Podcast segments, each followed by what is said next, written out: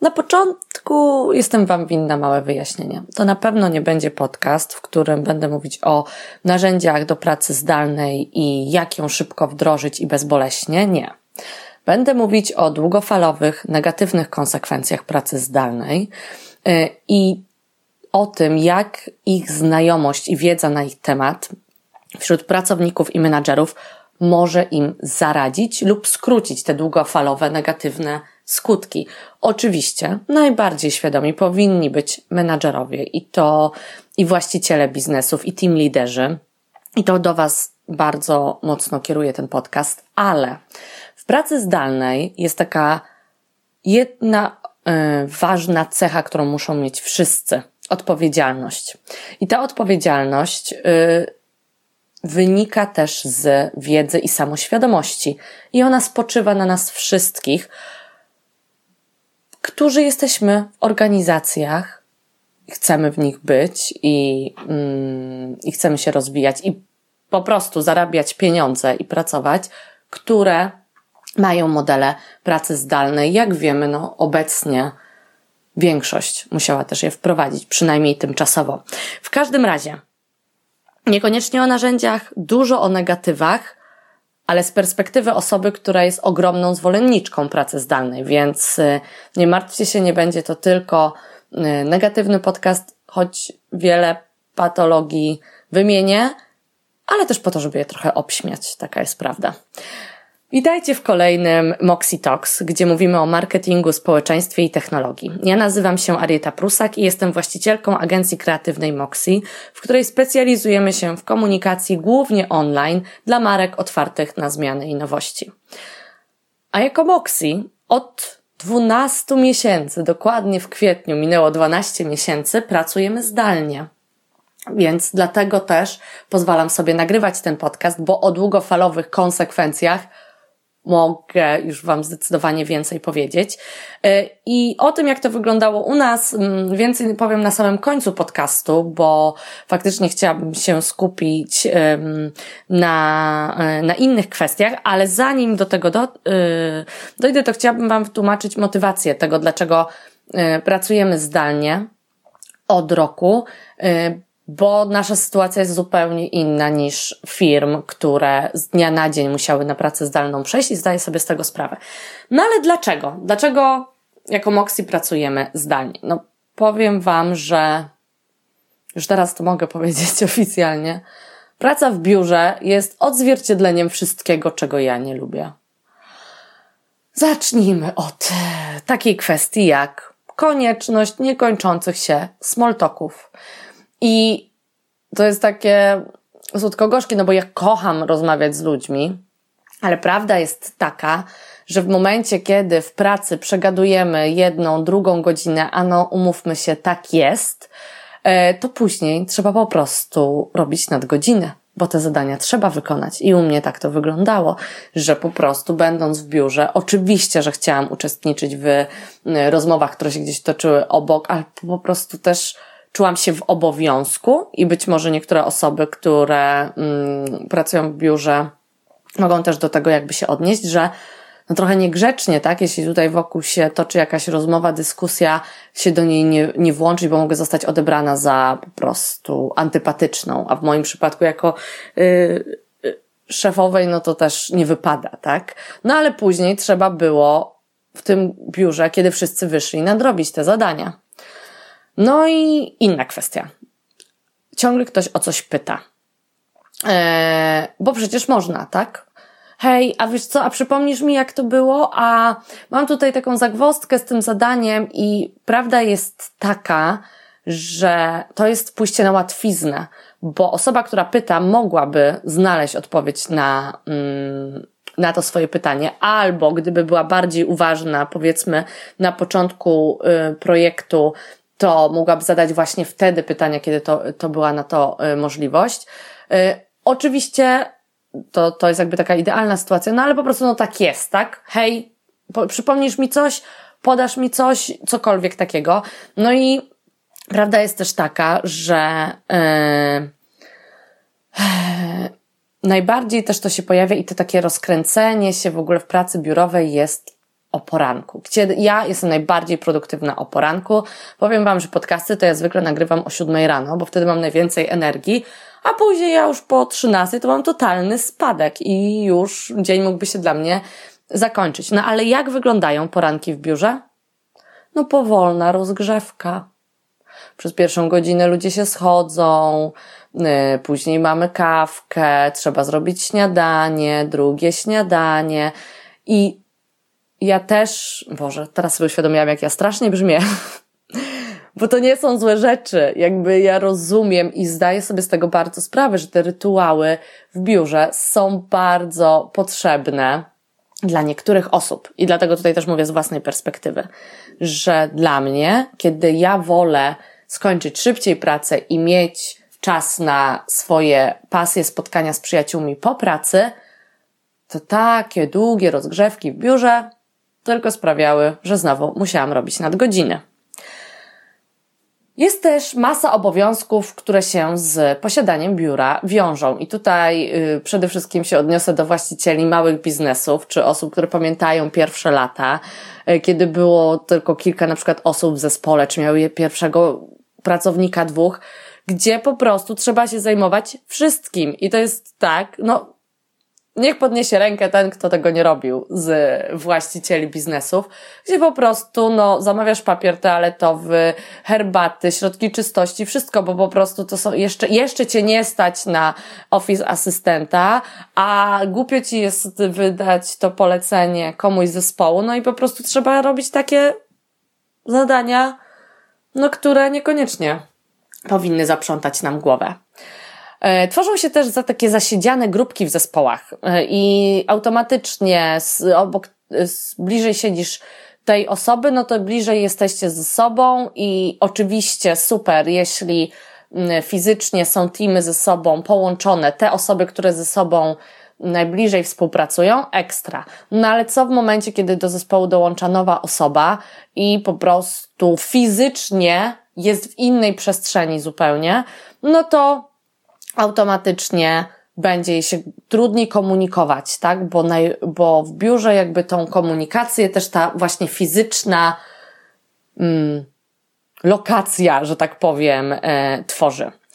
E, no i coś, od czego być może powinnam zacząć, ale mi to aż tak nie przeszkadzało, bo ja nigdy nie miałam dłuższej drogi do biura niż tam pół godziny, ale jednak ten transport, nawet to pół godziny, to już się, się robi godzina dziennie. Nie mówiąc już o osobach, które pracują poza miastem i powiem Wam, jakby rozumiem konieczność, że trzeba się przemieszczać. Na przykład ktoś przemieszcza się godzinę, półtorej stojąc w korkach w jedną stronę. Nie, no na samą myśl jest mi słabo, naprawdę. I dlatego właśnie też uważam, że ta, ten pomysł, że trzeba być w biurze, jest idiotyczny. W każdym razie, no u mnie było tak, że po prostu, no ja nigdy nie byłam na czas, kiedy, pracow- kiedy mieliśmy biuro fizyczne. Bo po prostu, no też ja akurat nie przemieszczam się samochodem, tylko rowerem albo komunikacją miejską. I no nie, nie, ja nie, ja nie potrafiłam tego wycyrklować, po prostu nawet czasowo tak wam powiem. Okej. Okay. Można, w, pracując w biurze, y, organizować spotkania ad hoc. Co czasami jest konieczne, ale najgorsze jest to, kiedy to się staje regułą. A jeszcze gorsze jest to, kiedy jest takie myślenie, hmm, nie znamy odpowiedzi na to pytanie, to może za, zawołajmy jeszcze Anię y, i ona nam y, podpowie, jak to rozwiązać, tak? I po prostu tą osobę wy, wy z pracy, jakby wiecie, wybijamy, no coś strasznego. Nie, ja, nie, jednak spotkania ad hoc to jest coś, czego ja naprawdę nie lubię. No i też jest taka inna kwestia. Biuro to tak naprawdę siedlisko ploteczek. I słuchajcie, nie zrozumcie mnie źle. Ja wiem, że plotki są ważne w budowaniu relacji. Ja poświęciłam temu swoją pracę magisterską. Naprawdę. Jakby nie uważam, że są tylko negatywne. Wiem, że tego jako ludzie potrzebujemy i one budują relacje społeczne. Ale one nie powinny być ich podstawą. A mnie kojarzy się po prostu yy, jakby wiecie, te właśnie wszystkie rytuały, kawka w kuchni, żeby tam o czymś porozmawiać i tak dalej, to mi się kojarzy jednak z plotkowaniem. Być może mam bardzo y, zbyt duży stereotyp, może to jest krzywdzące, ale no tak jest w mojej, tak to wygląda w mojej głowie. No i last but not least. Wysokie i zupełnie zbędne koszty stałe wynikające z prowadzenia e, biura. I myślę, że teraz po ponad dwóch miesiącach przymusowej pracy zdalnej spowodowanej pandemią koronawirusa, firmy coraz bardziej to widzą i widzą to jeszcze wyraźniej. E, I te koszty stałe, niepotrzebne, to tak naprawdę był pierwszy element, który mną motywował wtedy, z uwagi na to, że musieliśmy zdecydowanie zredukować właśnie e, koszty stałe. No i coś, co jako taki długofalowy plan mi przyświecało, to chęć i możliwość pracy z dowolnego miejsca na świecie. No teraz po 12 miesiącach, gdzie na początku tego roku mm, sobie postanowiłam, że ja będę e, zimą po prostu pracować z jakiegoś ciepłego miejsca, no biorąc pod uwagę to, co się wydarzyło w związku z pandemią, zdaję sobie sprawę, że to raczej nie będzie możliwe, ale wtedy te 12 miesięcy też to mi przyświecało. I w dzisiejszym podcaście chciałabym y, obalić największe mity y, i omówić też największe patologie pracy zdalnej, o których słyszałam w ostatnich kilku tygodniach, bo tak jak Wam powiedziałam na początku, ja jestem ogromną zwolenniczką tego modelu pracy, mm, ale też wdrażam go z zespołem na swoich zasadach e, i zdaję sobie sprawę i nadal, kiedy my wdrażamy to, wdrażaliśmy to na swoich zasadach, nie pod przymusem, tylko z wyboru, mieliśmy e, z tym problemy. Ale to, czego się nasłuchałam w ostatnich tygodniach dotyczącego tych ekspresowych wdrożeń, no to to już jest zupełnie e, inna historia. I na koniec podzielę się naszym doświadczeniem z ostatnich 12 e, miesięcy, w których jest wiele pozytywów, ale są też negatywy. Okej. Okay. No i tak po tym przydługim wstępie przejdźmy do meritum. No, jak zdajecie sobie sprawę e, z tego, jak, jak zapewne wiesz, no w, dwa, w marcu 2020 roku wszystkie firmy z działalnością biurową no większość z nich przeszły na pracę zdalną z dnia na dzień. I bardzo wiele z nich optymistycznie stwierdziło, że to nie jest żaden problem. I udało im się to ekspresowo i w pierwszych tygodniach naprawdę takich wpisów na LinkedInie i Facebooku czytałam sporo. O, co to za wielkie halo z tą pracą zdalną nam się udało, zrobiliśmy to w 48 godzin, wszystko działa. I największym optymistą chciałabym powiedzieć, że to jest y, fantastyczny sposób pracy, bo tak jest, ale może się też przerodzić w największy koszmar i totalne wyniszczenie największych y, talentów w organizacji, bo praca zdalna bardzo zwiększa produktywność, aż za bardzo I to myślenie, że jak nie jest w biurze, to nie pracuje, to jest najdalsze od prawdy, tak naprawdę, bo też zresztą to, co Wam mówiłam na początku, jak sobie pomyślicie o tych rytuałach biurowych i tak dalej, no to samo bycie w biurze nie oznacza, że ktoś pracuje. I jeśli w dużej organizacji, w małej organizacji, jakiejkolwiek rozmiar, jakiegokolwiek rozmiaru organizacji praca zdalna zostanie wprowadzona bez przygotowania, przemyślenia, dostosowania infrastruktury i wprowadzenia nowych zasad, procedur, narzędzi, a przede wszystkim świadomego tworzenia zdrowych nawyków wśród pracowników, a nawet bardziej powiedziałabym wśród managementu, no to naprawdę długofalowe skutki mogą być bardzo negatywne dla biznesu. I w marcu większość pracowników biurowych zaczęła pracować zdalnie, ale tak naprawdę jeszcze przed pandemią już badania wskazywały, że 70% pracowników w Polsce deklarowało chęć choćby częściowej pracy zdalnej.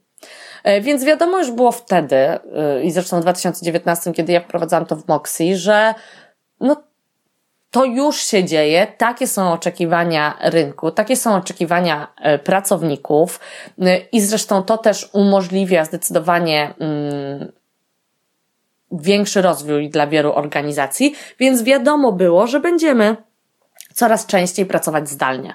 Myślę, że w tym momencie, w którym jesteśmy, nikt nie ma wątpliwości i jesteśmy na etapie odmrażania, powiedzmy, powrotu do normalności, w cudzysłowie.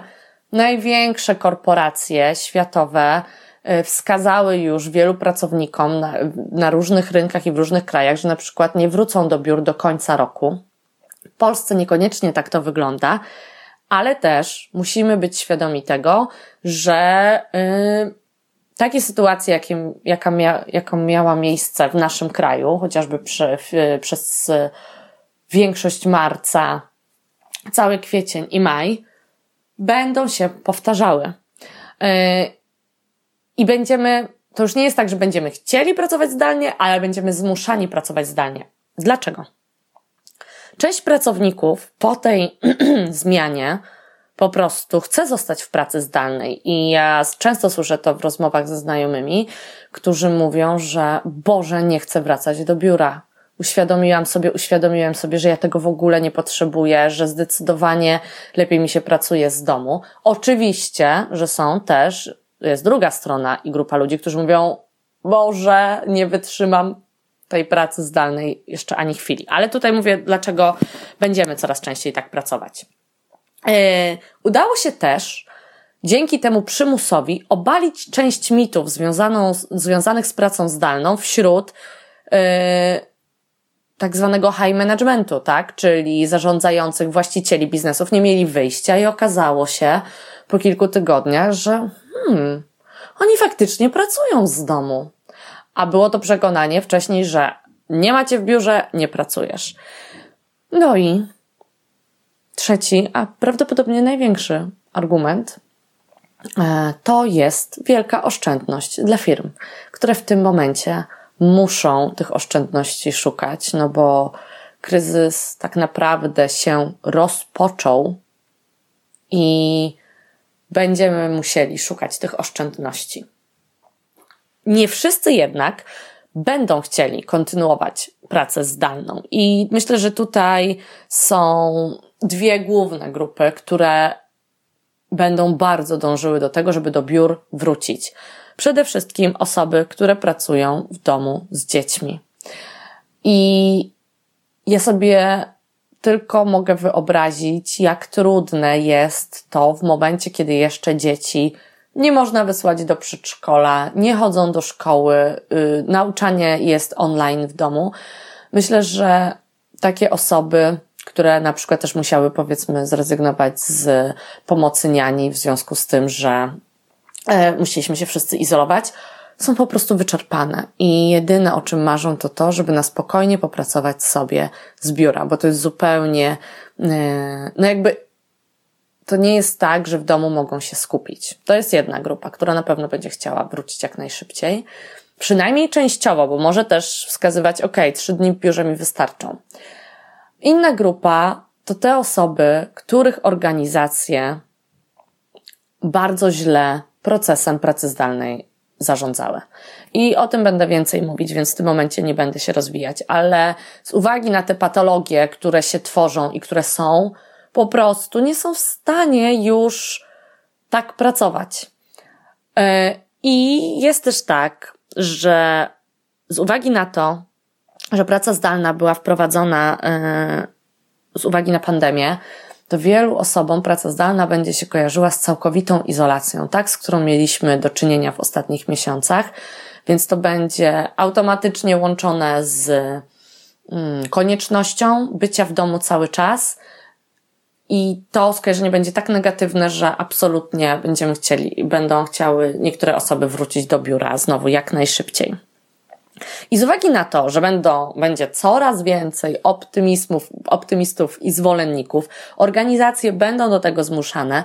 Z drugiej strony będziemy mieć osoby, które absolutnie nie chcą pracować zdalnie. I zresztą też będę o tym mówić. No są po prostu takie osoby, dla których temperamentu, sposobu pracy, tego, czego potrzebują, no to, to nie jest rozwiązanie. To będziemy widzieć coraz większy miks. E, bo będą się zmniejszały powierzchnie biurowe, firmy nie będą z nich w ogóle rezygnować, zresztą już teraz tak jest. E, będą się pojawiać i już się pojawiają pojedyncze e, dni pracy w biurze. Część zespołu będzie wybierać pracę tylko w trybie office, bo sobie, bo nienawidzą właśnie pracy mm, z domu, czy kojarzy im się źle z pandemią. I te rozwiązania, te jakby te miksy sprawią, że będziemy mieć szansę na naprawdę najlepsze kombinacje, bo faktycznie to, żeby, żeby zespół nigdy nie miał ze sobą kontaktu fizycznego, nie jest pozytywne e, długofalowo i ma też negatywne konsekwencje. Więc e, łączenie pracy zdalnej z biurową to jest fantastyczny miks, ale też oznacza on, że konieczne są zmiany i żeby nie było tak, żebyśmy nie myśleli w ten sposób, że okej, okay, mieliśmy pandemię, pracowaliśmy tak, uff, wracamy do normalności, wracamy do biura i w ogóle nie musimy zmieniać y, żadnych procedur. Oczywiście mówię tu o organizacjach, w których do tej pory jakby wiele procedur nie zostało zmienionych. I ważne jest bardzo to, żeby mieć to w głowie, że jeśli chociażby część pracowników pracuje zdalnie, to zasady muszą się zmienić dla wszystkich. I o tym też będę mówić. Um, opierając się na badaniach i też na tym, co wskazywali pracownicy w tym okresie e, dwóch miesięcy, m, głównie takiego naj, najmocniejszego e, zamknięcia w Polsce, ale też e, na świecie, jakby dlaczego dla niektórych, dlaczego dla niektórych których praca zdalna to jest po prostu błogosławieństwo, idealny sposób pracy i co wskazują jako pozytywy. Brak czasu traconego na przemieszczanie. Jak zaczynałam mówić, dlaczego ja nie, nie lubię pracy w biurze, to w ogóle nie wskazywałam tego na pierwszym miejscu, ale faktycznie e, myślę, że u mnie to nie był taki problem. Ale w momencie, kiedy, chociaż też trochę inaczej, bo ja bardzo dużo podróżowałam i co, co tydzień byłam poza Poznaniem i faktycznie kiedy sobie uświadomiłam, że o kurczę, od dwóch miesięcy nigdzie nie wyjeżdżałam, co pozwoliło mi na przykład wprowadzić pół godziny ćwiczeń i jogi rano i moje poranki odrobinę wydłużyć, to poczułam taki spokój i że jakby doda, dodano mi kilka godzin do doby. No a dla osób, które wiecie, wystawały w korkach i dojeżdżały do pracy dłużej niż pół godziny, zresztą nawet to pół godziny to już jest godzina w ciągu dnia. Więc jakby ten czas, który trzeba było poświęcić na dojazdy do pracy, można teraz spożytkować na coś innego. Wygoda miejsca pracy, które można sobie samodzielnie zorganizować. To też później będę mówiła o minusach i to też może być minus. Dla niektórych to jest ogromny plus. Choćby z uwagi na to, że no nie jest tak, że fotel i biurko jest takie, jakie zostali w biurze, tylko są takie, które są najbardziej odpowiednie dla tych osób. Zresztą, nie mówiąc już o tym, że słuchajcie, no być może trudno jest wam to sobie wyobrazić, ale pewnie nie. No niektórzy po prostu nienawidzą pracować przy biurku i naprawdę e, wolą pracować z kanapy, z łóżka, z innego miejsca, albo po prostu zmieniać miejsce kilkukrotnie w ciągu dnia, więc wtedy to jest naprawdę takie dostosowane do tej osoby. Większa elastyczność czasu pracy. No to bez dwóch zdań, jakby praca zdalna i to też był duży benefit i też sobie z niego zdawałam sprawę, kiedy my rozpoczynaliśmy pracę zdalną. Oznacza, że no nie wszyscy muszą zaczynać o ósmej, o dziewiątej. E, można też sobie zrobić tą przerwę w ciągu dnia i dokończyć pracę po południu czy wieczorem, nie mówiąc już o osobach, które ja jestem super produktywna rano, ale wiem o tym, chociaż nadal jest mi to trudno sobie wyobrazić. Boże, jakie ograniczenie w tym momencie wychodzi że no ktoś jest najbardziej produktywny o pierwszej, drugiej w nocy. I oczywiście nie mówię tu o tym, że mm, teraz ma być oso- mają być osoby w zespole, które pracują w, pracują w tym samym kraju, a zupełnie innej strefie czasowej, chociaż no tutaj też jakby praca zdalna właśnie też to umożliwia, że możecie pracować z ludźmi i najlepszymi talentami z całego świata, więc te strefy czasowe będą inne. No ale w każdym razie jest ta możliwość, żeby sobie zrobić przerwę, kiedy ja chcę, a nie kiedy cały zespół idzie na tą kawkę, kiedy ja jej potrzebuję i tak dalej. Więc, y, a już nie mówiąc o tym, że nie trzeba brać dnia wolnego po to, żeby po prostu wyjść na godzinę czy dwie do lekarza. Oczywiście praca biurowa też tego nie wyklucza, bo też może tak być, że po prostu ktoś wychodzi, ale jednak no, ta elastyczność tutaj jest zdecydowanie wyższa. Brak rozpraszaczy. No tutaj to ja już za dużo nie będę mówić, bo już o tym powiedziałam na samym początku, a propos spotkań ad hoc, small talków i po prostu y, ciągłych pytań. Większa samodzielność to jest też coś, na, na co, co wskazywały mm, osoby w badaniach.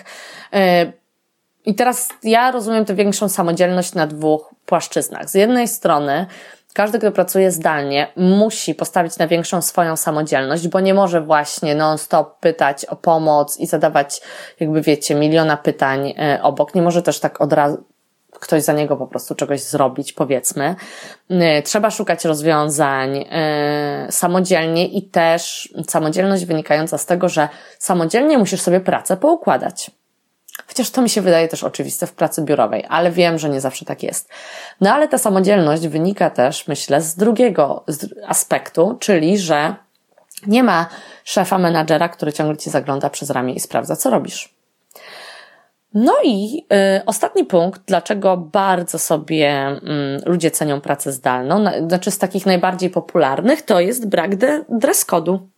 Można pracować w dressach i ulubionym t-shircie i nie ma problemu, nie trzeba nosić garsonek, krawatu non-stop. Yy, oczywiście wiadomo, są masa memów, tak? A propos tego, że do wideokonferencji ubieramy się tylko od pasa w górę. No i myślę, że ta wygoda i brak dress code'u, który dla niektórych może być bardzo ograniczający, albo też bardzo poważny może być ten dress code, już taki naprawdę strict, no to, to może być bardzo duża mm, na plus zmiana. No ale dlaczego dla niektórych to jest przekleństwo. E, no i też chciałabym na to podzielić to na perspektywę mm, pracowników, znowu na e, podstawie badań i też zastanowić się, jak trudne i dlaczego jest to dla menadżerów, właścicieli, team, team liderów. Najbardziej oczywiste, myślę, e, jest to, że brakuje nam kontaktu z ludźmi a jesteśmy zwierzętami społecznymi i myślę, że też pandemia nam najbardziej e, i przymusowa e, kwarantanna nam najbardziej to pokazała, że zresztą no to jest zapisane, słuchajcie, w naszym DNA, my potrzebujemy fizycznego kontaktu i kiedy go nie ma, to po prostu ten poziom smutku i poziom stresu i niepokoju też rośnie i brak możliwości budowania relacji, poczucie izolacji, brak właśnie tych rytuałów, które ja akurat oceniam dosyć negatywnie, czy rozmów o prywatnym życiu, po prostu pogadania sobie, no to to jest ogromna strata i nie ma co ukrywać. To jest bardzo ważna część y, pracy w zespołach i po prostu tego zwyczajnie brakuje. Mówiłam o pozytywach, że możliwość organizacji y, stanowiska pracy na własnych zasadach, ale też konieczność, to może być też minus, konieczność organizacji własnego miejsca pracy, no bo bardzo często się tak zdarza, że ktoś nie ma w ogóle żadnej przestrzeni w domu y, zarezerwowanej do pracy, a powinna to być dedykowana przestrzeń, nawet jeśli chcemy tą lokację zmieniać i tutaj firmy muszą i myślę, że wiele firm świetnie sobie z tym poradziło, sprawdzając w pierwszych tygodniach, czy pracownicy mają wszystkie odpowiednie elementy, które są konieczne do tego, żeby mogli pracować y, zdalnie. Przewożone były biurka, komputery stacjonarne, y, fotele i tak dalej, więc to pod tym kątem są firmy, które sobie z tym bardzo dobrze poradziły, a są firmy, które myślę, że zignorowały, bo nie miały jak się tym zająć. E, bo było tyle rzeczy się działo, więc teoretycznie no to nie był priorytet, ale myślę, że to jest bardzo ważna kwestia i trzeba zawsze o tym pamiętać. Nieumiejętność oddzielenia życia prywatnego i pracy e, od siebie i związane z tym nadgodziny, bo często to słyszałam w ostatnich tygodniach, ale zresztą też słyszałam to w pierwszych miesiącach, kiedy my zaczęliśmy pracować w Moxie zdalnie, że Nie wiem, kiedy kończy się praca, nie wiem, kiedy zaczyna się życie prywatne. To przemieszczanie się, na które traciliśmy czas, tak naprawdę umożliwiało nam to, żeby, żeby faktycznie mieć to odcięcie. I teraz dlatego też powiedziałam, że konieczne jest to, żeby mieć to jedno miejsce do pracy, bo to chociażby to ułatwia. No ale też y, a propos elastyczności, jest tak, że na przykład ktoś zrobi sobie dłuższą przerwę w ciągu dnia i później nadrabia wieczorami i naprawdę trudno jest jeśli się nie wypracuje pewnych rytuałów i zasad, oddzielić to życie prywatne od zawodowego, a to długofalowo prowadzi do wycieńczenia. Stres związany z chaosem e, w komunikacji. O tym będę trochę więcej mówiła w kontekście e, patologii, które się dzieją.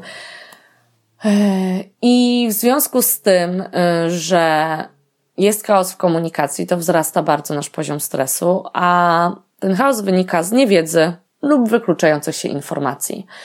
I też ten okres, który teraz, w którym teraz jesteśmy, z którym się zmierzyliśmy, mierzymy cały czas, okres ogromnych zmian w wielu organizacjach też, okres też zwolnień, redukcji etatów, to już w ogóle myślę, że totalnie wpływało na y, poziom stresu i, i chaosu, bo różnie sobie z tym organizacje y, radziły. Ale ten stres nie tylko wynika z chaosu w komunikacji. Ten stres wynika też z tego, że pracując zdalnie, pracownicy muszą ciągle udowadniać, że pracują. I będę mówiła o tym jeszcze więcej. A w związku z tym, że trzeba to udowadniać, bo przecież jak jestem w domu, to nie pracuję, no to pojawia się wiele głupich dodatkowych zadań. A jak to wygląda z perspektywy menadżerów i właścicieli biznesów? Myślę, że jest tak, że są te wszystkie problemy, które wymieniłam, no bo izolacja, brak kontaktu z ludźmi, konieczność organizacji miejsca pracy, nieumiejętność oddzielenia życia prywatnego od zawodowego, czy stres związany z chaosem w komunikacji, no to to są wszystkie te rzeczy, które menadżerowie odczuwają, bo po pierwsze A są tylko ludźmi, a po drugie, no też jest tak, że po prostu no nie, no nic, nic więcej tu nie mogę powiedzieć. To, to jest tyle. Ale do tego dochodzą jeszcze inne kwestie, bo pojawiają się bardzo duże wyzwania związane z budowaniem zespołu, czy wprowadzaniem nowych pracowników do zespołu. Jeśli zespół jest totalnie rozproszony i w różnych lokalizacjach i tego braku kontaktu, z, jest ten brak kontaktu z ludźmi, no to jak wprowadzać nowe osoby do zespołu? Yy, pracownicy nie przywiązują się tak do miejsca pracy. O, miejsca dosłownie fizycznego, tak, bo biuro może w tym pomagać i te wszystkie właśnie rytuały, small talki, nawiązywanie przyjaźni, nie ma co ukrywać. Bardzo często ludzi to utrzymuje bardzo długo w firmach. Myślę, y, że mm, to jest też bardzo duże wyzwanie, bo w tym momencie trzeba się faktycznie mocno zastanowić, jaką wartość daje moja marka i firma, dzięki którym ktoś chciałby tu pracować. E, I tutaj odwołam Was do na przykład podcastu, który nagrywaliśmy, już mamy chyba dwa odcinki o wartościach e, marki. E, menadżerowie i właściciele biznesów muszą się całkowicie przestawić z myślenia jest w biurze, to pracuje, na nastawienie na zadania i efekty. Przede wszystkim efekty. I słuchajcie, serio. To jest tak, że mnie nie interesuje. Jeśli ktoś potrafi zrobić zadanie, które normalnie mm, średnio komuś y, zajmuje 6 godzin w dwie i to oznacza, że praktycznie połowę dnia może mieć wolnego, super. Jakby mnie interesuje efekt. Oczywiście to też oznacza, że muszą być menadżerowie świadomi, żeby nie przeciążać niektórych osób za bardzo i też, żeby sprawdzać, czy to nie jest tak, że dowiezienie tego efektu, y, o który, y, y, który wskazali, sprawiło, że na przykład ktoś codziennie ma kilka nadgodzin, tak? I pracuje po prostu ponad miarę. Więc to jest też kwestia do przerobienia. E, menadżerowie też muszą w zupełnie inny sposób pobierać informacje na temat tego, jak czuje się zespół i poszczególne osoby w zespole. No bo faktycznie trudno jest wyłapać niuanse, bo nie ma tych small talków w biurze, bo nie można zobaczyć nawet na wideokonferencji tak dobrze mowy ciała, więc y, trzeba się jeszcze bardziej skupić i wysilić, żeby te wszystkie informacje pozyskać. No i też jest tak, i zresztą to też y, wiąże się z pracownikami absolutnie, no ten stres, tak? Przeciążenie i przepracowanie. Yy, I teraz, dlatego jakby ten odcinek zatytułowaliśmy, że to jest podręcznik dla menadżera, bo ten stres i przepracowanie mogą być takie trochę na własne życzenie. Bo jeśli właściciele i osoby zarządzające nie wypracują nowych sposobów yy, odciążających ich tak naprawdę yy, i nowych zasad pracy zespołu, no to ten stres, przeciążenie i przepracowanie będą się tylko zwiększały. A to jest zdecydowanie niedobre dla całości organizacji. Kilkukrotnie już um, powiedziałam w tym podcaście, użyłam takiego słowa patologie. I przygotowując się do tego odcinka, powiem Wam szczerze, że faktycznie robiłam tak, że zbierałam sobie taki research. Ja powinnam to nazwać błędami, oczywiście, na temat tego, co się dzieje złego, mm, kiedy organizacje pracują e, zdalnie. Ale w trakcie zbierania jakby materiałów, no to ja po prostu musiałam to nazwać patologiami, bo uważam, że naprawdę to są takie dosyć, no to są bardzo poważne błędy, które po prostu się później przekuwają na zdecydowanie niepotrzebne właśnie stresy, błędy, a co za tym idzie stratę czasu i pieniędzy w biznesie. I kilka takich punktów chciałabym Wam przekazać. Yy, I to jest tak, że skąd ja wzięłam te informacje? Z kilku rozmów z różnymi znajomymi, też obserwując organizacje, które znam, czy po prostu nawet poprosiłam zespole, żeby, żeby powiedzieli mi, z jakimi informacjami, co, na co narzekają ich znajomi, którzy teraz musieli z dnia na dzień zacząć pracować zdalnie. E, I kilka jest takich punktów, które chciałabym Wam zaprezentować. Dla pracowników to może jest tak, jeśli ktoś teraz tego słucha, sobie myśli, no tak, no, u mnie też tak jest. A drodzy menadżerowie, właściciele biznesów, tych kilka punktów chciałabym Wam wskazać po to, żebyście faktycznie się zastanowili, czy tego przypadkiem nie robicie? Czy tych błędów nie ma w waszej organizacji? Tak uczciwie, bo słuchajcie, naprawdę ich wyeliminowanie sprawi, że wam się będzie pracowało lepiej, spało spokojniej, a co za tym idzie, wasze zespoły będą osiągały zdecydowanie lepsze efekty i wyniki. I największym problemem jest nieufność szefów i szefowych. I czym one się objawia? Są check-iny w ciągu dnia. Takie naprawdę, jak słyszałam, telefony. Hej, a co robisz? Sprawdzam po prostu, nad czym teraz pracujesz. Yy, czy na przykład wprowadzanie yy, konieczności na koniec dnia raportowania wszystkiego, co każdy w zespole zrobił. Ja chcę dać 5 y, zł za każdy przeczytany ten raport, każdemu takiemu menadżerowi, który o to prosi, bo jestem przekonana, że na mnogości obowiązków nie czytacie tych raportów. I poza tym, nie, w ogóle to jest niepotrzebne. Wprowadzany jest tydzień w pracy w biurze, tydzień pracy zdalnej. Yy, to jakby też bez wyjaśnienia, tak? Ale pracownicy od razu myślą, no to dlatego, że nie ufają nam, że, że w domu nie pracujemy. E, czy właśnie te raporty na koniec dnia. Pojawiają się takie pomysły, że każdy musi wysłać o konkretnej porze jakby SMS-a z update'em, tak? E, pojawia się też nerwowość z strony przełożonych, kiedy w ciągu dwóch, trzech minut nie mają odpowiedzi po prostu na komunikatorze online, którego używają z zespołem i, jakby zespół to wie, tak? I nie wiem.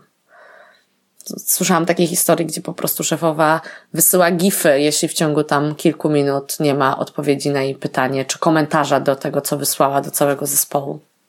Więc wiele takich działań, które wykonują mm, właściciele, menadżerowie, team liderzy, którzy wskazują, że hej, nie ufam ci, nie wierzę w to, że pracujesz. I to brzmi bardzo źle, ale też muszę powiedzieć, że ja doskonale rozumiem, z czego to wynika.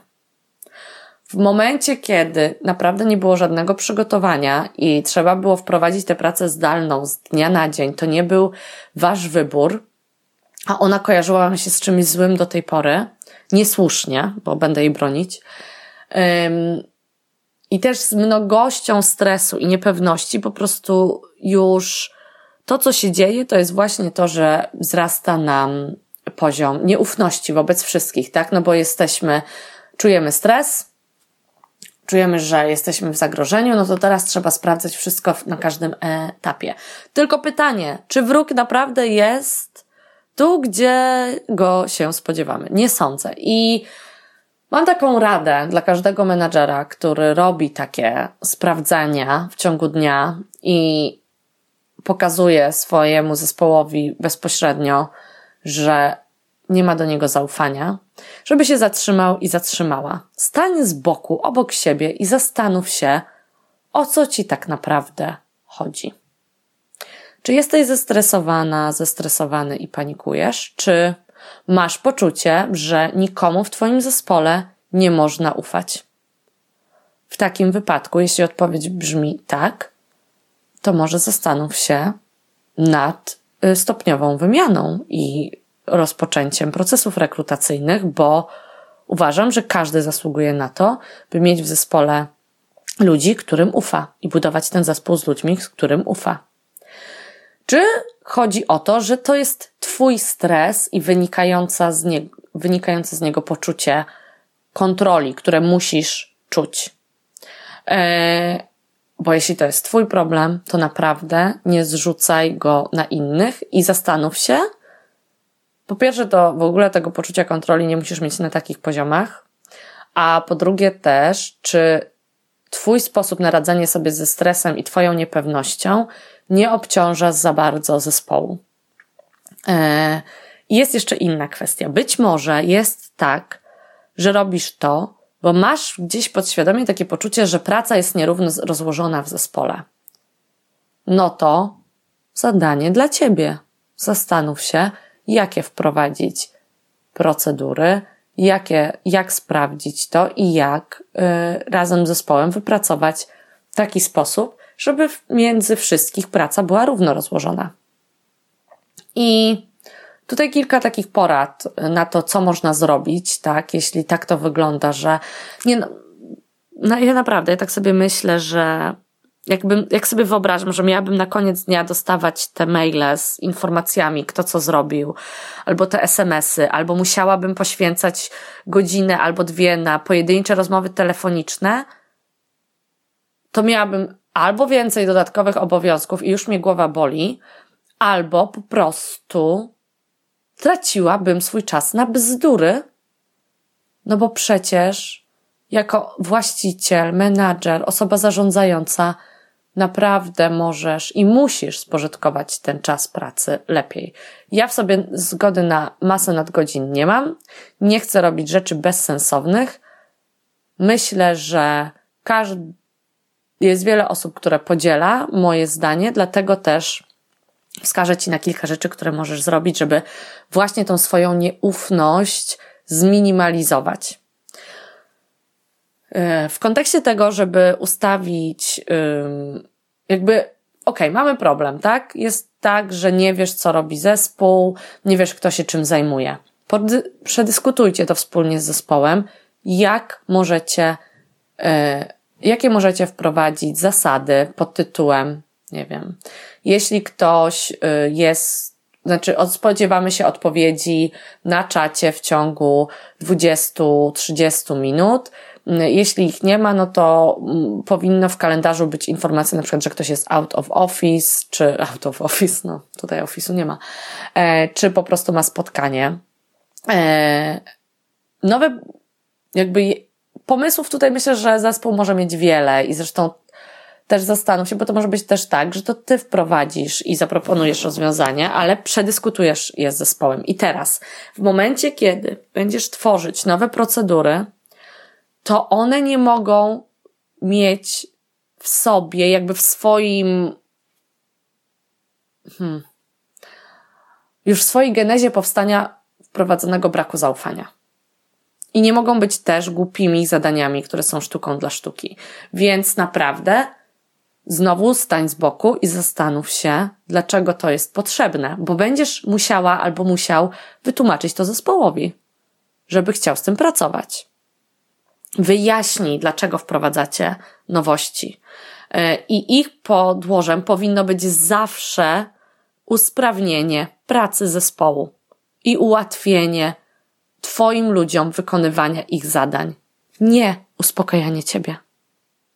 Bo ja rozumiem to tak, że jeśli Twój zespół będzie świetnie pracował, będzie wydajny, będzie skuteczny, no to Twój spokój się pojawi, tak? Wprowadźcie też transparentność y, w kalendarzu, żeby właśnie widzieć, w jakich godzinach kto pracuje, bo to też może ułatwić jakby sytuację i też pracownicy nie będą mieli po prostu ataku paniki i nie będą przyczepieni do telefonów, bo muszą po prostu odpowiedzieć w ciągu minuty, bo jak nie, to zaraz zostaną zbombardowani gifami. Mm, I też najważniejsze jest to, moim zdaniem, ja wiem, że niektórym właścicielom biznesów czy menadżerom się to w głowie nie mieści, ale no ja, dla mnie to jest oczywiste, że nowe procedury i zadania obowiązują wszystkich. To dotyczy, czy nowe narzędzia, które są wprowadzane, z nich muszą, musi management, muszą właściciele korzystać. Jeśli chcesz od pracowników, ja to tak rozumiem, jeśli chcesz od pracowników dostawać na koniec dnia raport z wykonanych zadań, to ty też przesyłaj wszystkim raport z twoich wykonanych zadań. Jeśli wprowadzacie jakąś platformę do zarządzania projektami, to ty musisz też z tej platformy korzystać. I ja więcej nic nie powiem na ten temat, bo dla mnie to jest oczywiste. Brak zaufania szefów. Jawny brak zaufania szefów. Pierwsza patologia. Druga, brak narzędzi do komunikacji. Co ja przez to rozumiem? W ciągu tych pierwszych tygodni, kiedy trzeba było błyskawicznie przejść na pracę zdalną, okazywało się, że menadżerowie czy właściciele pisali do pracowników na Messengerze, na Facebooku, na Instagramie. Tutaj wysyłają SMS-y, tu dzwonią, tutaj jest mail, ale w mailu w wątku nie wszyscy są zawarci i po prostu, i to jest jakby, to jest z jednej strony zarządzających, zespół między sobą, który do tej pory mógł pogadać w biurze i ustawić sobie pracę, nie wie, którędy ma się komunikować i jaką ścieżką.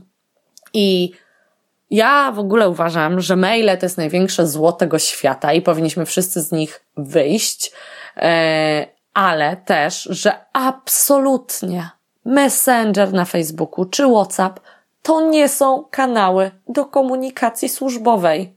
Chyba, że ktoś ma służbowe konto na Facebooku, służbowy telefon, służbowy numer telefonu i ma jakby te komunikatory w służbowym telefonie. Okay, ale wtedy wszyscy w zespole muszą mieć dokładnie taką samą sytuację.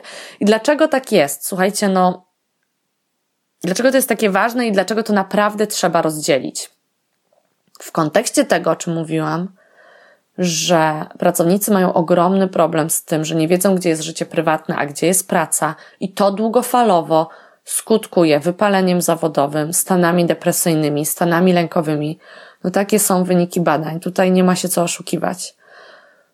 To jeśli jest tak, że ich prywatne kanały do komunikacji stają się służbowymi, to naprawdę zaczynają mieć stany lękowe, żeby po prostu otworzyć wiadomość prywatną, bo im się to miksuje z, służbową. Nie mówiąc już o tym, że te narzędzia jak WhatsApp, Messenger czy SMS-y nie są, nie mają infrastruktury przygotowanej do tego, żeby po prostu segregować informacje czy porządkować y, rozmowy grupowe. No tam jest chaos. A chaos wiąże się ze stratą czasu. I co jest remedium na te patologie? Dla mnie to są dwa najprostsze narzędzia, najładniejsze i najmilsze w obsłudze Slack i Trello. Ja chyba więcej nie będę już mówić na ten temat. Powiem tylko tak, żeby Was przekonać do nich, że oba mają też aplikacje na telefony, y, bardzo przyjazne interfejsy i naprawdę każdego można nauczyć z ich korzystania. Na Slacku możecie tworzyć wiele kanałów y, tematycznych dla każdego projektu, dla po prostu śmieszkowania i memów. No naprawdę, bo takie też przecież muszą być.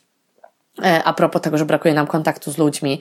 Poza tym też bardzo wiele organizacji korzysta ze Slacka. No i też Slack i Trello mają bardzo wiele funkcji, które są bezpłatne i no my cały czas pracujemy na bezpłatnych wersjach. Eee, dobra. Mamy brak zaufania szefów, mamy brak narzędzi do komunikacji. Ja będę tak powtarzać te patologie, bo one są dosyć istotne moim zdaniem. Brak update'ów i podsumowań. Słuchajcie, słyszałam taką historię, że pewien właściciel czy menadżer zdecydował, że będzie sobie y, z każdym codziennie, czy tam kilka razy w tygodniu, robił statusy osobno, żeby wiedzieć, kto jak się czuje, żeby wiedzieć, co się dzieje. Y, I też każdemu jeden na jeden będzie przekazywać informacje. I tutaj mamy dwie kwestie. Po pierwsze, to okazuje się, że w zespole każdy ma inne informacje od tego menadżera, ale poza tym to jest taka strata czasu i obciążenie, myślę, dla tego menadżera, który wprowadził te zasady, że ja mu bardzo współczuję. Naprawdę. Bo no nie, no to jest po prostu chaos w komunikacji w zespole. Każdy ma inne informacje, głuchy telefon i ogromne obciążenie dla tego menadżera. I rozumiem, z czego to też może wynikać pod kątem na przykład takich rozmów e, dotyczących e, spraw hmm, bardzo personalnych, związanych z umowami i tak dalej, okej. No ale update'y projektów na bieżąco? No nie, to naprawdę nie jest konieczne. I teraz, jak temu zaradzić? A naprawdę zespół musi mieć takie same informacje konieczne są regularne spotkania. One mogą być codzienne i nie ma w tym nic złego. Są duże korpo, które na przykład wprowadzają w swoich um, teamach e, i daily poranne, gdzie rozmawia się tylko o zadaniach i popołudniowe, żeby pogadać jak się kto czuje i w ogóle jak się ma. My w Moxie też przez te dwa miesiące, bo wcześniej pracowaliśmy fizycznie ze sobą w poniedziałki, Teraz przestaliśmy, więc codziennie zwanialiśmy się na tak zwany dzień dobry sprint. E, w tym momencie e, zmieniliśmy to do trzech spotkań w tygodniu. Wcześniej mieliśmy jedno takie spotkanie e, w tygodniu, żeby planować po prostu pracę, więc te spotkania mogą być codzienne, mogą być raz w tygodniu, ale muszą być regularne. I teraz co to daje menadżerowi, właścicielowi biznesu? Boże, jaką to daje oszczędność czasu przekazujesz raz ten sam komunikat wszystkim.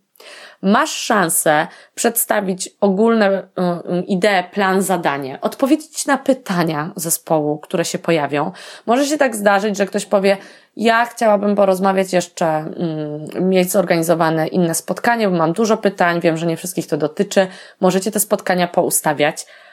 Zespół między sobą już może podczas takiej takiego update'u po prostu yy, wskazać, hej, ja mogę się w to zaangażować, bo mam większą przestrzeń, albo zobaczyć po prostu też nad czym pracują inni. Bo też jest takie poczucie a propos nieufności szefów, że pracownicy też mają takie myślenie, że ja tu zapierdzielam, a co robią te inne osoby? Wcześniej jak się je widziało w biurze, no to coś tam się widziało, nie? A dzięki temu, że będą to spotkania zespołowe, no to będą miały świadomość tego, co się dzieje.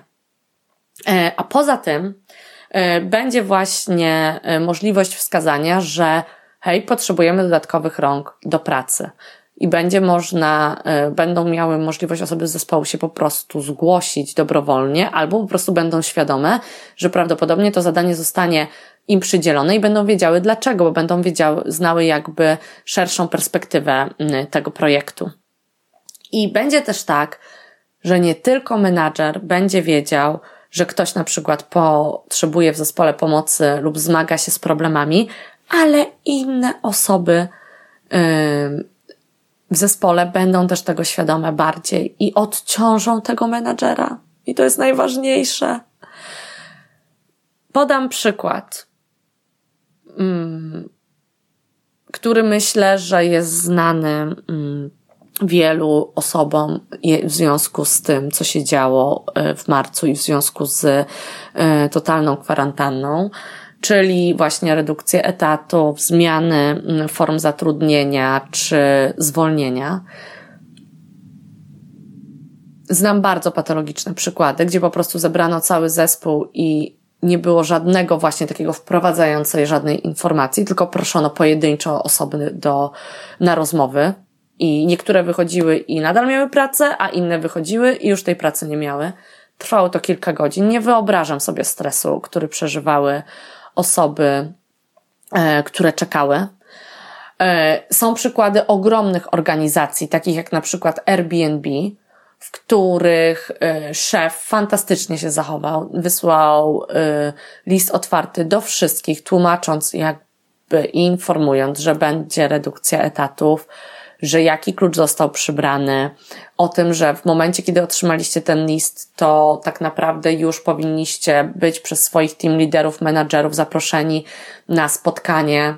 Także y, można też to zrobić na bardzo dużą skalę, ale przede wszystkim co tam było? Tam było duże wyjaśnienie. Y, ale też znam takie przykłady i sama zresztą też to robiłam dwukrotnie y, i w Moxie, i w innym zespole, z którym współpracuję na stałe, mm, gdzie po prostu cały zespół dostał informację o tym, że zmiany będą wprowadzane, z czego to wynika, jakich zmian można się spodziewać. Przedstawione zostały informacje przeze mnie, a później z każdym pojedynczo jeszcze rozmawiałam, ale wiedzieli, czego teraz ta rozmowa będzie dotyczyła i każdy mógł też w momencie wprowadzenia yy, zadać pytanie na forum, a później jeszcze porozmawiać pojedynczo. I słuchajcie, no,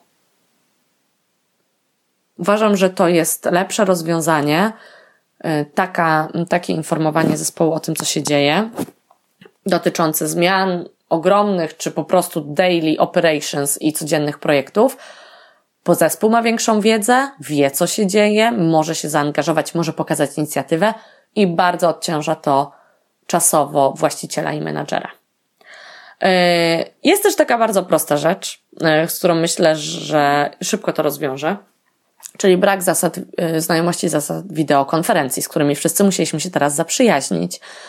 I to powiem bardzo krótko, bo, bo tak to jest, że po prostu pierwsze kilka minut jest na informowanie, przypominanie o tym, co, jak to ma wyglądać. No to jak to ma wyglądać? Jeśli mamy dużą grupę i wiemy, że na początku na przykład menadżer, właściciel będzie przemawiał, to każdy y, wyłącza swój mikrofon. Nawet jeśli pracujecie z domu czy jakiegokolwiek miejsca, podczas wideokonferencji każdy powinien korzystać ze słuchawek, bo one umożliwiają to, że po prostu niezbierane są tak mm, dźwięki z otoczenia, no ale też zdecydowanie lepiej słychać osoby, które się wypowiadają. I teraz, jeśli mamy miks, gdzie kilka osób jest fizycznie w biurze, a kilka łączy się telefonicznie czy właśnie podczas wideokonferencji, to osoby z biura muszą mieć świadomość, że naprawdę, jeśli jest kilka osób w pomieszczeniu, to są słabo słyszane. Więc jeśli jest tak, że ktokolwiek zdalnie się łączy, to tak naprawdę wszyscy powinni być w osobnych pokojach i wszyscy powinni łączyć się zdalnie. I tutaj więcej nie będę mówić. Brak współdzielonych plików. To jest w ogóle mój największy koszmar. Ja myślę, że jakby piekło miało istnieć, to dla mnie ono ma, przybiera taką formę, że pytam kogoś, y, czy możesz mi, y, możesz mi powiedzieć, gdzie znajdę ten plik, a ta osoba powie, wiesz co? Ja ją gdzieś mam na pulpicie, go mam, ale musiałabym znaleźć. A która to była wersja? No, a w ogóle to nie mam teraz dostępu do swojego komputera. W ogóle to komputer mi tak muli. No nie, no, no z pół godziny będę potrzebować, żeby ci to przesłać. Tak dokładnie wygląda dla mnie piekło. I oczywiste jest dla mnie z perspektywy pracowników, żeby oszczędzali swój czas, ale też bardzo z perspektywy organizacji i firmy, żeby po prostu być właścicielem wszystkiego, co się tworzy, że jest wspólna platforma ze wszystkimi materiałami. E, choćby też ze względów bezpieczeństwa. I też często właśnie to była przeszkoda przed tym, żeby pracować zdalnie, tak, czyli chęć zabezpieczenia wrażliwych danych czy plików. E, I tutaj świetnie sprawdza się Google Drive czy Dropbox wspólny zespołowy, ale też y, może to być własna chmura, którą y, firma tworzy. I nie, bardzo ważne, żeby to było łatwe w obsłudze.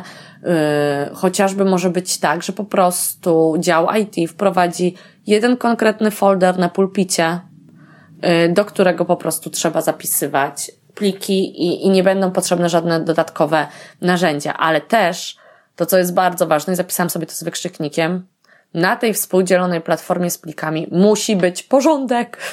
Koniecznie.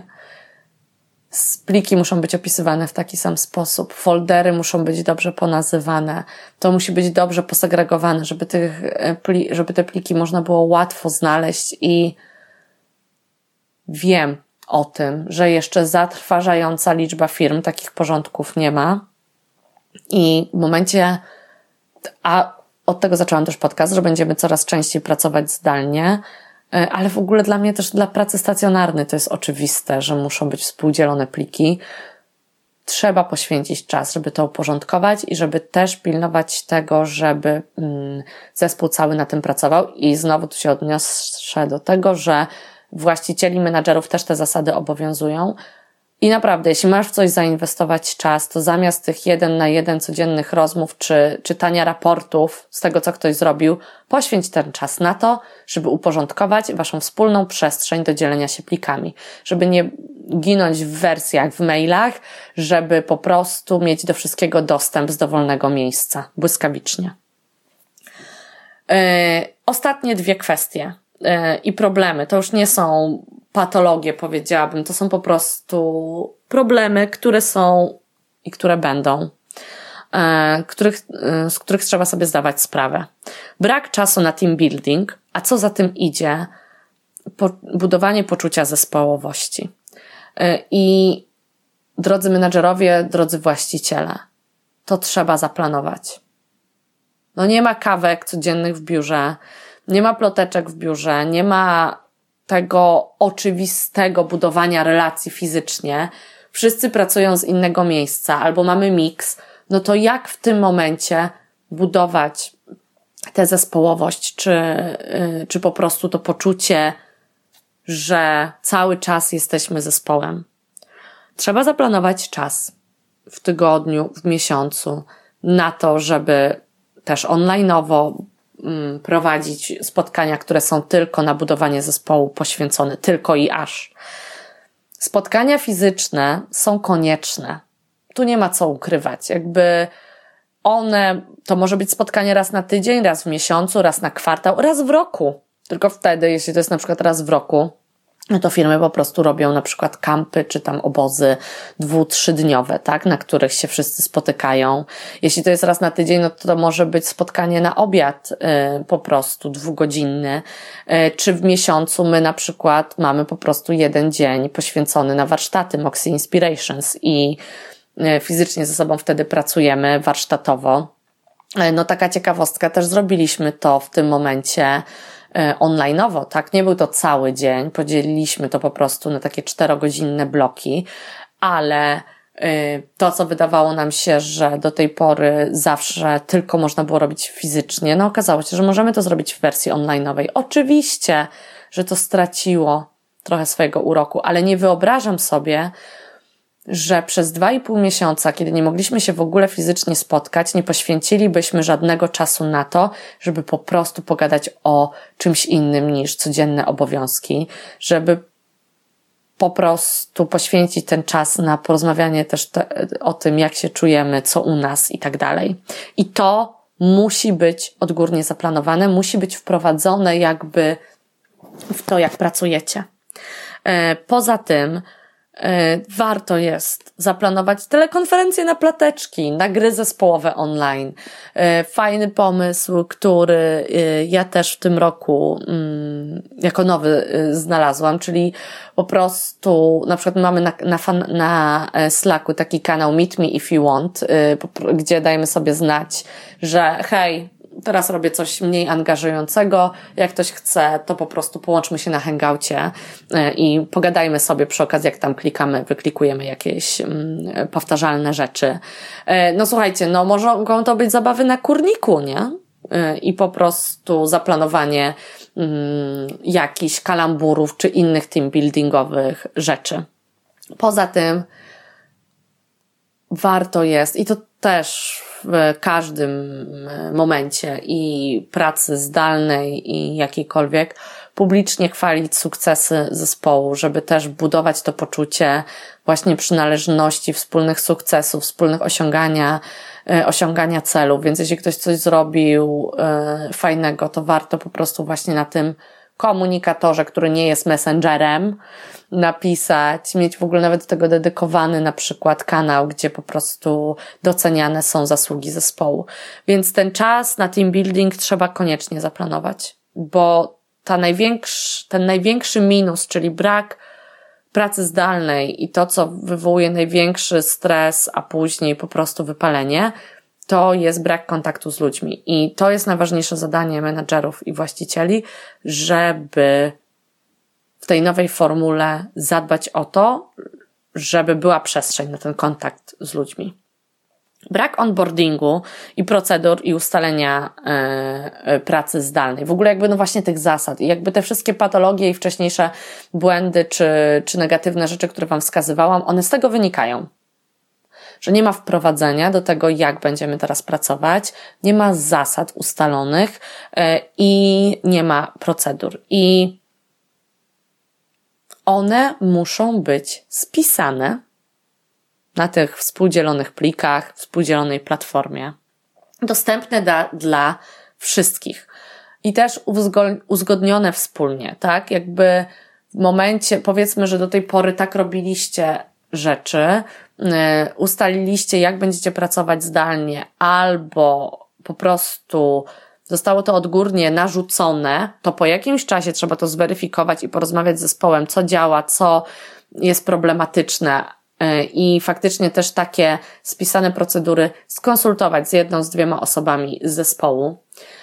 Y, I też y, jakby te procedury muszą być spisywane, a apliki muszą być udostępniane i musi być wprowadzona transparentność z uwagi na to, że ponieważ nie ma właśnie takiej w pracy zdalnej aż takiego przywiązania do zespołu i do organizacji w klasycznym rozumieniu, to będzie się zwiększała rotacja e, w zespole, bo po prostu nie, jakby, no nie ma takiej identyfikacji z organizacją, a ta transparentność, spisane procedury, dostępność wszystkich materiałów dla wszystkich sprawi, że zdecydowanie szybciej i łatwiej i mniej boleśnie będziecie wprowadzać nowe osoby do zespołów. Więc to jest bardzo ważne, żeby to zrobić. O wow, ależ ten podcast będzie długi. Już mówię do Was godzinę. No ale to są tak ważne rzeczy i myślę, że problemy, z którymi się teraz mierzymy, wszyscy że mam nadzieję, że, że to jest dla Was um, pożyteczne i że Was nie zagadałam. A przechodzę do końca, dlatego teraz zrobiłam sobie taki tutaj wstęp. Bo chciałam Wam e, powiedzieć jeszcze krótko, na naszym przykładzie, jak nam się udało poukładać tę pracę zdalną przez 12 miesięcy i czego się nauczyliśmy. E, przede wszystkim zaczęliśmy od tego, że e, zespołowo omówiliśmy to, jak chcemy pracować. E, I mieliśmy takie warsztaty, w których omawialiśmy to, jakie każdy ma obawy związane z pracą zdalną, co uważa, że będzie super, e, co, co powinniśmy wprowadzić, żeby nam się pracowało lepiej. I na przykład uzgodniliśmy, że będziemy pracować w takich godzinach, ale są odstępstwa, bo na przykład niektórzy lubią startować o 6, 7, inni o 9, e, ale będziemy się informować, że właśnie zaczynamy pracę. Mamy taki kanał na Slacku, gdzie po prostu mówimy sobie siemka, dzień dobry i tylko tyle tam się dzieje, ale przynajmniej wiemy, kiedy ktoś rozpoczął e, pracę. E, no i też było tak, że to, co sobie wspólnie ustaliliśmy, jakby spisaliśmy, po trzech miesiącach weryfikowaliśmy. Weryf- jeśli chodzi o ten moment, z którym się teraz wszyscy zmierzyliśmy, czyli z pandemią, no to te nasze zasady i sposoby pracy, które się opierały właśnie też na tym, że w poniedziałki pracowaliśmy wspólnie w coworkingu, a przez cztery dni pracowaliśmy e, każdy z dowolnego miejsca, no to okazało się, że planowanie tygodniowe już nie wchodzi w grę, że potrzebujemy na przykład planowania dziennego, że z uwagi na to, że nie mamy tych poniedziałków wspólnych, no to potrzebujemy właśnie dzwonek, żeby pogadać po prostu ze sobą. Także podczas tych dwóch i pół miesiąca już dwa razy weryfikowaliśmy te założenia, które wcześniej stworzyliśmy wspólnie rok temu. Powiem Wam tak ja myśląc o zespole, którym, y, który miał pracować właśnie w taki sposób y, zdalnie mm, i wybierając osoby, które był, a były takie, które sobie absolutnie nie wyobrażały pracy zdalnej, to ja zawsze myślałam o tym w ten sposób, że pracę zdalną mogą wykonywać tak naprawdę najlepsi, w mojej ocenie. A co ja przez to rozumiem? Osoby super zorganizowane, super odpowiedzialne i umiejące się komunikować. I moim zdaniem, jeśli ktoś jest zorganizowany, odpowiedzialny i umie się komunikować, to wszystkiego innego jestem w stanie tę osobę nauczyć, a to też są cechy osoby, która będzie sobie świetnie radziła w pracy zdalnej. Znowu, to są też umiejętności, które można wypracować ale no zdecydowanie łatwiej jest. I też w kontekście tego, co też powiedziałam, a propos braku zaufania szefów, zastanów się, jeśli naprawdę czujesz, że są osoby, które, e, do których nie masz zaufania, no to, to po co? Po co współpracować ze sobą? I te osoby to czują i jest coraz gorzej im się pracuje i twoja organizacja traci, a co za tym idzie cały zespół i ty się dodatkowo stresujesz.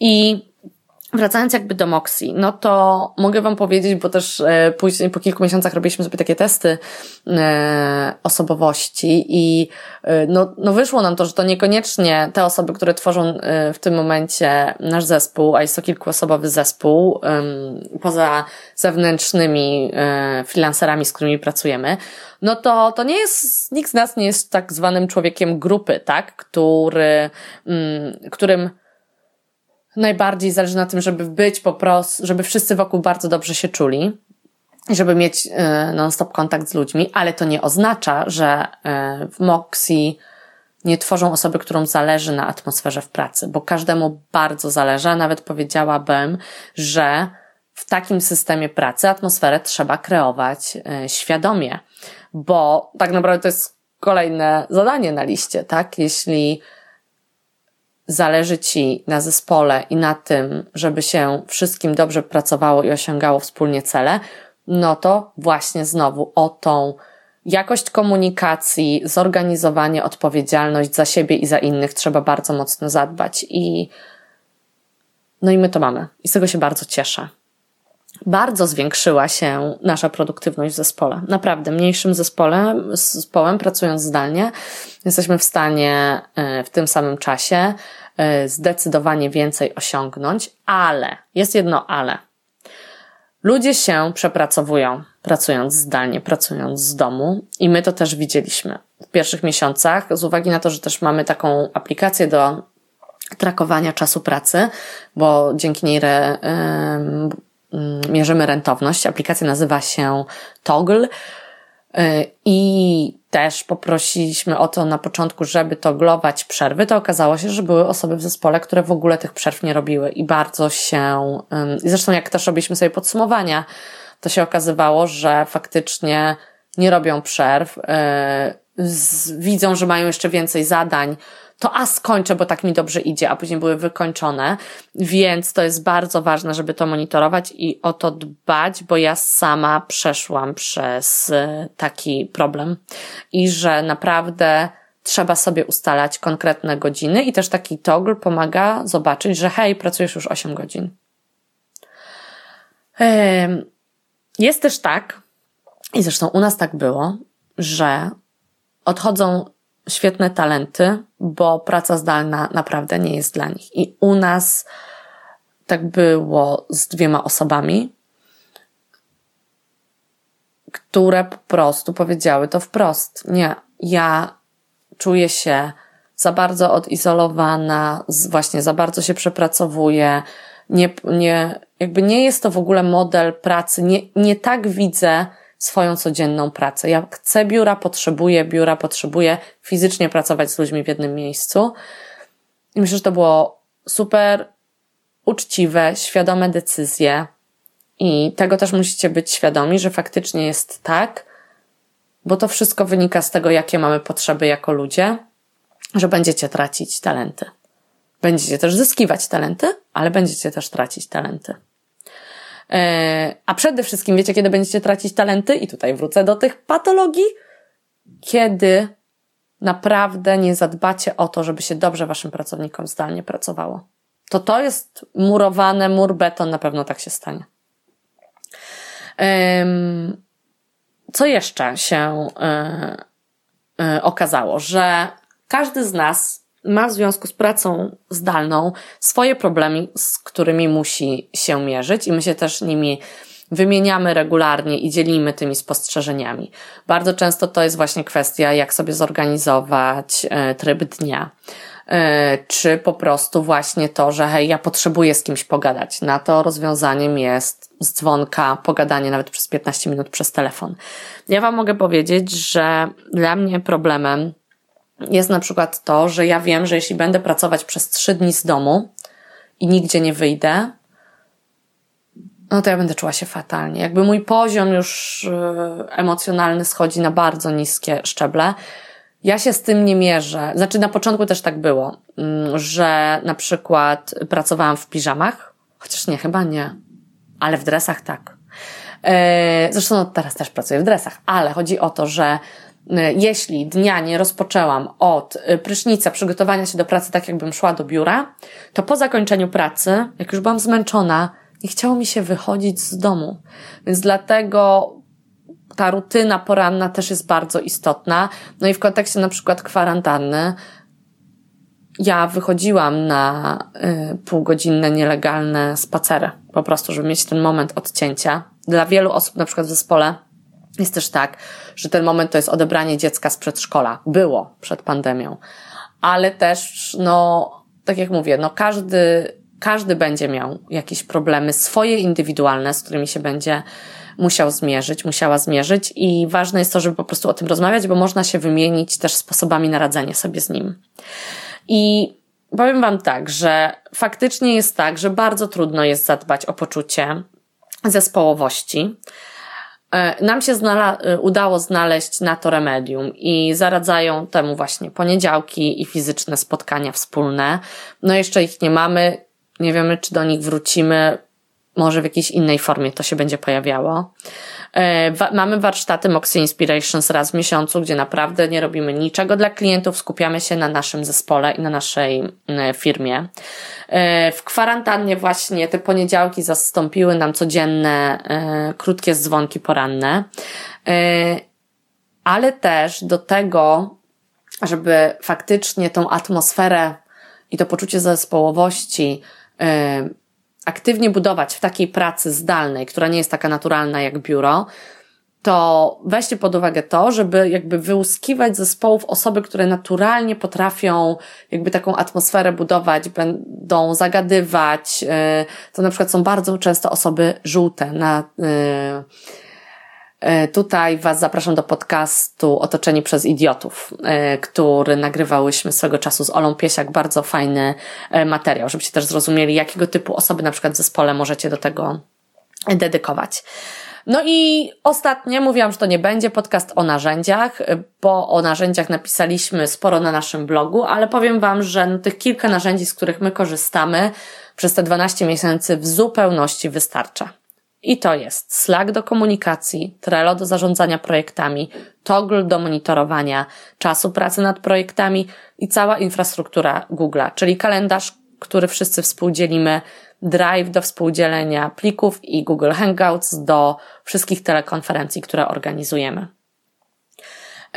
Wiem też po naszym przykładzie, że można przeprowadzić bardzo dobry onboarding y, zdalny i on tak naprawdę nie różni się bardzo od klasycznego, bo potrzebny jest opiekun, osoby, która do, do zespołu dołącza. Zresztą też ten onboarding u nas się już odbywa na etapie rekrutacji i na etapie rekrutacji też sprawdzamy, czy ktoś ma te cechy, które my mamy zdefiniowane do pracy zdalnej, bo to jest no, bardzo ważne. To trzeba po prostu umieć i mieć do tego predyspozycję. Więc potrzebny jest opiekun tej nowej osoby, materiały i spisane procedury, które są online, dostępne, follow-up, który robimy po tygodniu. No tutaj jakby cały czas te wszystkie elementy można w online'owej wersji wprowadzić i my do zespołu wprowadzaliśmy już w takim totalnie trybie zdalnym, też w trakcie kwarantanny, jedną osobę i, yy, i naprawdę wiemy, że możemy to zrobić. Podsumowując ten bardzo długi materiał, każdy będzie miał kryzys w pracy zdalnej. Nie jeden, a kilka nawet. Ale naprawdę niektóre yy, które, o których Wam wspomniałam, które na pewno się będą pojawiały, można wyeliminować. I mam nadzieję, że tymi kilkoma przykładami Was do tego też przekonałam. A jeśli czujecie, że jest jakiś e, element czy problem, który macie w Waszej organizacji, o którym nie wspomniałam, albo chcielibyście cokolwiek skonsultować, to proszę, napisz na porozmawiajmy małpa moxi.pl. E, to jest mail, który uruchomiliśmy w czasie kwarantanny e, Umawiamy się na godzinne, bezpłatne konsultacje biznesowe z każdym, kto tego potrzebuje, więc serdecznie Was do tego zapraszam. A na naszym blogu, poza dotychczasowymi artykułami dotyczącymi pracy zdalnej, zapraszam Was też do opisu tego odcinka, bo tam mamy dla Was taką checklistę, e, dzięki której sprawdzicie, czy zadbaliście o podstawy tego, żeby Waszemu zespołowi pracowało się dobrze. Bardzo serdecznie dziękuję e, za to, że zechcieliście e, ten temat problemów zgłębić z ogromną optymistką i promotorką pracy zdalnej. Mam nadzieję, że słowo patologia nie pojawiło się zbyt często. Dziękuję i zapraszam do kolejnego Moxie Talks. Cześć!